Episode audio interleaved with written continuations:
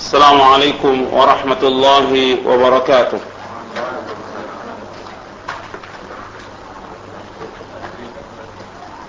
إن الحمد لله نحمده ونستعينه ونستغفره ونعوذ بالله من شرور أنفسنا ومن سيئات أعمالنا. من يهده الله فلا مضل له ومن يضلل فلا هادي له. أشهد أن لا إله إلا الله وحده لا شريك له وأشهد أن محمدا عبده ورسوله. يا أيها الذين آمنوا اتقوا الله حق تقاته ولا تموتن إلا وأنتم مسلمون.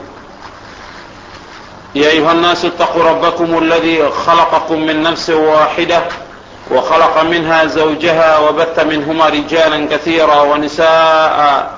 واتقوا الله الذي تساءلون به والأرحام إن الله كان عليكم رقيبا. يا أيها الذين آمنوا اتقوا الله وقولوا قولا سديدا يصلح لكم أعمالكم ويغفر لكم ذنوبكم ومن يطع الله ورسوله فقد فاز فوزا عظيما. أما بعد فإن أصدق الحديث كتاب الله وخر الهدي هدي محمد صلى الله عليه وعلى آله وسلم. وشر الأمور محدثاتها وكل محدثة بدعة وكل بدعة ضلالة وكل ضلالة في النار. أيها الأخوة أعزكم الله Alhamdulillah. Setelah kita mengkaji dalam beberapa hari ini tentang masalah ilmu dan akidah sunnah wal jamaah sekarang kita masuk kepada pembahasan yang ketiga dari jadwal yang sudah dijadwalkan yaitu tentang sifat salat Nabi sallallahu alaihi wa ala wasallam dari takbir sampai salam. Yang insyaallah yang kita pakai sebagai referensi atau rujukan yaitu sifat salat Nabi sallallahu alaihi wasallam yang ditulis oleh Syekh Muhammad Nasiruddin Albani. Sifat salat Nabi sallallahu alaihi wasallam min at-takbir ila at-taslim ka'annaka taraha. Yang ditulis oleh Syekh Al-Imam Al-Muhaddis Asadus Sunnah Syekh Muhammad Nasiruddin Albani rahimahullah dan juga ringkasannya talkhis sifat salat Nabi oleh beliau sebenarnya ada beberapa kitab lagi yang menjadi rujukan yaitu seperti kitab Bulughul Maram min Adilatil Ahkam oleh Al-Hafidh Ibnu Hajar Al-Asqalani dan juga beberapa kitab yang lainnya tapi ini kita sebagai rujukan untuk memudahkan dan kitab ini bisa didapat dan diperoleh di mana-mana kitab ini. Ayo ikhwan azakumullah. Saya akan bahas sebagai mukaddimah dari sifat salat Nabi sallallahu alaihi wasallam yaitu tentang pentingnya masalah salat. Lebih dahulu saya akan bahas. Kemudian yang kedua perkataan para imam tentang tidak bolehnya taklid kepada mereka dan pembahasan yang ketiga masuk kepada pembahasan pokok yaitu tentang sifat salat Nabi sallallahu alaihi wasallam. Yang pertama kita akan bahas tentang pentingnya masalah salat. Bagaimana kita ketahui bahwa Nabi sallallahu alaihi wasallam menerima perintah salat ini berbeda dengan yang lainnya. Nabi menerima perintah salat yaitu dengan dimi'rajkan oleh Allah ke langit. Nabi menerima salat ini dengan dimi'rajkan oleh Allah Subhanahu wa taala ke langit dengan ruh dan jasadnya. Bukan dengan mimpi. Bukan dengan roh saja, tapi dengan ruh dan jasadnya dimi'rajkan oleh Allah ke langit dari 50 salat menjadi 5 salat dan tidak akan dirubah yang 5 salat ini sampai hari kiamat oleh Allah Subhanahu wa taala. Kemudian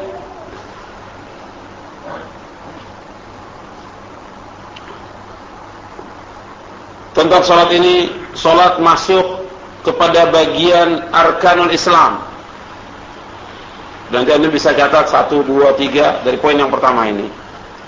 Bahwa salat ini adalah rukun Islam. Rukun Islam yang dikatakan dalam hadis Nabi Buniyal Islamu ala khamsin. Syahadati an la ilaha illallah wa ita'iz zakah wa hajjil bait ramadan. Dalam hadis yang diriwayatkan oleh Imam Bukhari dan Muslim jadi salat termasuk rukun Islam. Kemudian salat juga disebutkan dalam hadis termasuk tiang agama Salat termasuk tiang agama. Yang dikatakan dalam hadis Nabi yang diriwayatkan oleh Imam Tirmizi yaitu Nabi bersabda dari hadis yang panjang ini Ra'sul amri al-islamu wa amuduhu as-salatu wa dhirwatu sanamihi al-jihadu fi sabilillah Kata Nabi, salat apa Islam pokok Islam ini uh, Rasul Amri, pokok urusan ini al-Islam, yaitu Islam. Wa amuduhu dan tiangnya adalah salat. Dan puncaknya adalah jihad. Zirwatu sanam yaitu uh, punuknya unta. Jadi puncaknya itu yaitu jihad fisabilillah. Ini hadis diriwayatkan oleh Imam Tirmizi. Kemudian yang lain, poin yang berikutnya bahwa salat yang pertama yang dihisap pada hari kiamat. Salat yang pertama dihisap pada hari kiamat. Nabi bersabda, "Awwalu ma yuhasabu bihi al-'abdu yawmal qiyamati as-salah." Idza salahat Salah sairu amali wa idza fasadat fasada sairu amali. Kata Nabi yang pertama dihisab pada hari kiamat adalah masalah salat. Apabila salatnya baik, maka baiklah seluruh amalnya. Apabila salat ini jelek, maka jeleklah seluruh amalnya. Jadi yang pertama dihisab pada hari kiamat masalah salat. Jadi yang pertama kali dihisab pada hari kiamat masalah salat. Kalau salat itu baik, baiklah seluruh amalnya. Kalau salat itu jelek, jeleklah seluruh amalnya. Ini menunjukkan tentang pentingnya masalah salat karena yang pertama kali dihisap pada hari kiamat. Kemudian selanjutnya Rasulullah sallallahu alaihi wasallam memerintahkan kita untuk mendidik anak kita salat dan kalau mereka tidak salat dipukul. Rasulullah bersabda, muru auladakum bis salati wa hum abna'u sab'i sinin. Wadribuhum 'alayha wa hum abna'u 'ashrin wa farriqu fil madaji. Perintahkanlah anak-anak kamu salat ketika mereka berumur tujuh tahun. Dan pukullah mereka apabila mereka uh, apabila mereka sudah mencapai umur sepuluh tahun. Wa farriqu fil madaji. Dan pisahkanlah tempat tidur mereka Hadis ini diriwayatkan oleh Imam Abu Daud. Dan hadis ini hasan. Di dalam Al-Quran Allah menyebutkan tentang wajibnya kita menyuruh istri kita, anak kita salat. Kita diperintahkan oleh Allah, suruh istri kamu, suruh anak kamu salat. Di dalam surah Toha ayat 132 Allah berfirman, "Wa'mur ahlaka bis salati wastabir 'alaiha la nas'aluka rizqa nahnu narzuquk wal 'aqibatu Allah berfirman wa'mur ahlaka bis salati perintahkanlah keluarga kamu salat.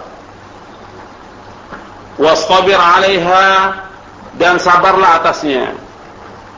La nas'aluka rizqa kami tidak minta rezeki kepada kamu. Nahnu rizquk dan kami yang berikan rezeki kepada kamu. Wal aqibatu taqwa. Dan akibat yang baik bagi orang yang bertakwa.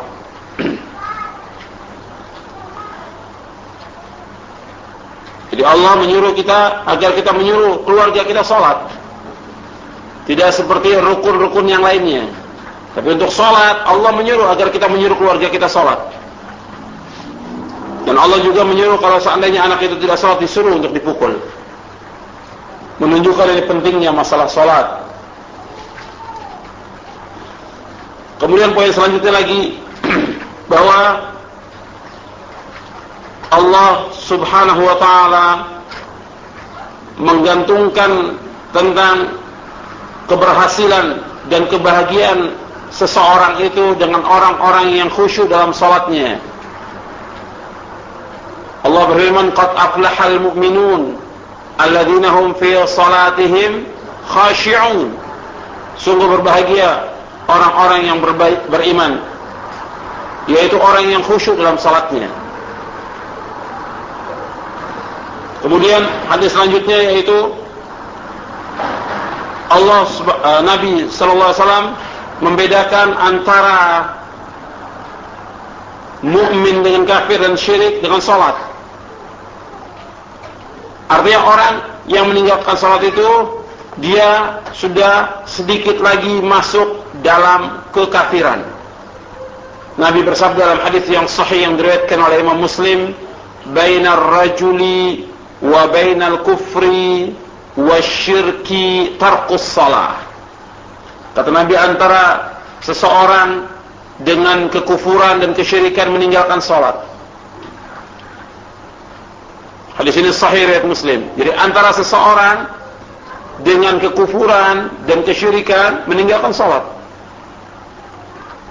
Jadi kalau dia meninggalkan salat, dia masuk ke dalam eh, apa diambang pintu kekafiran. Bukan berarti dia langsung dikatakan kafir. Bab jumhur ulama berpendapat bahwa orang yang meninggalkan sholat itu takasulan karena malas tidak dikafirkan atau karena kebodohan dia tidak dikafirkan. Kalau juhud artinya dia ingkar tentang kewajiban itu seluruh ulama sepakat tentang kafirnya. Kalau juhud artinya dia mengingkari itu kewajiban salat bagi saya sholat yang waktu tidak wajib umpamanya. Sesudah diingatkan, diberitahu, tetap dia demikian, maka dia dikafirkan. Juhud. Tapi kalau dia karena malas, karena kebodohan dia, dia meninggalkan sholat, jumhur ulama berpendapat tidak kafir. Lantas makna hadis ini bainar rajul wa bainal kufri, kufur yang dimaksud dalam hadis ini yaitu kufrun duna kufrin kufur di bawah kekufuran. Jadi banyak dalam hadis lafaz-lafaz kufur tapi tidak dikatakan kufur. Artinya dalam artian tidak dikatakan kafir keluar Islam tidak. Seperti hadis Nabi yang sahih, sibabul muslimi fusuqun wa qitaluhu kufrun. Mencaci maki seorang muslim itu fasik dan memeranginya adalah kufur. Tapi maksudnya kufrun duna kufrin. Seperti hadis yang lain lagi, Nabi mengatakan bahwasanya sesungguhnya aku melihat yang banyak masuk neraka adalah wanita, yang banyak masuk neraka adalah perempuan. Kemudian ditanya, kenapa ya Rasulullah bahwa wanita yang paling banyak masuk neraka? Disebabkan karena mereka kufur. Kufur apa ya Rasulullah? Kufranul asyir. Kufur kepada keluarga. Tidak bersyukur. Tidak terima kasih kepada suaminya maka dikatakan kufur. Tapi di situ kufur duna kufur, kufur nikmat, bukan keluar dari Islam. Dan masih banyak lagi hadis-hadis yang menjelaskan tentang makna kufur, tapi kufur di sini kufur duna kufrin. Yang jelas bahwa meninggalkan sholat ya hukumnya dosa besar. Dosa besar. Dosa besar dan diancam masuk neraka, diancam hadis wa'id bagi orang meninggalkan salat diancam masuk neraka. Dan Allah berfirman dalam Al-Qur'an sa'uslihi saqar. Kami akan masukkan dia ke neraka saqar bagi orang-orang yang meninggalkan salat itu. Itu di antara ulama yang mengambil dalil dari dari ayat itu. Sa'uslihi saqar. Kemudian pentingnya salat ini bahwa di dalam Al-Qur'an Allah Subhanahu wa taala mengingatkan kita untuk mendirikan salat karena salat ini mencegah perbuatan fahsya dan mungkar. Allah berfirman aqimis salat inna salata tanha anil fahsya'i wal munkar wa dzikrullahi akbar wallahu ya'lamu ma tasnaun. Dalam surah Al-Ankabut, dirikanlah salat. Sesungguhnya salat itu mencegah perbuatan keji dan salat itu mencegah perbuatan mungkar. Dan zikir itu mengingat Allah itu lebih baik. Lebih besar Jadi salat mencegah perbuatan keji dan perbuatan mungkar. Kemudian dalam hadis Nabi sallallahu alaihi wasallam Nabi bersabda, "Wa'lamu anna khaira a'malikum as-shalah." Ketahuilah sesungguhnya sebaik-baik amal kamu itulah salat. Dalam hadis yang diriwayatkan oleh Imam Ahmad. Kata Nabi, "Wa'lamu anna khaira a'malikum as-shalah." Ketahuilah sebaik-baik amal kalian adalah salat. Jadi amal yang paling baik adalah salat. Kata Rasulullah sallallahu alaihi wa ala alihi wasallam. Dan kita harus perhatikan masalah salat ini dan juga suruh keluarga kita untuk salat. Dalam beberapa hadis juga disebutkan seorang itu dimasukkan oleh Allah ke dalam jannah apabila dia melaksanakan sholat yang lima waktu. Dia jaga tentang rukunnya, dia jaga tentang khusyuknya, maka dia akan dimasukkan oleh Allah Subhanahu wa taala ke dalam jannah, ke dalam surga. Apabila betul-betul dia jaga tentang masalah salat ini. Seperti dalam hadis Nabi sallallahu alaihi wasallam Nabi bersabda, خمس صلوات افترضهن الله عز وجل من أحسن وضوءهن وصلاهن لوقتهن وأتم ركوعهن وسجودهن وخشوعهن كان له على الله عهد أن يغفر له ومن لم يفعل فليس له على على الله عهد إن شاء غفر له وإن شاء عذبه رواه أبو داود وغيره Kata Nabi, lima salat yang telah diwajibkan oleh Allah barang siapa yang memperbaiki wudhu dan salat pada waktunya kemudian menyempurnakan ruku sujud dan dia khusyuk maka Allah berjanji akan mengampuni dosanya. Dalam riwayat yang lain Allah akan masukkan dia ke dalam surga. Ayo dukhilahul jannah jadi Allah menjamin untuk masukkan ke surga bagi orang-orang yang sholat. Lima waktu dan dia jaga sholat itu, kemudian dia jaga juga wudhunya, kemudian juga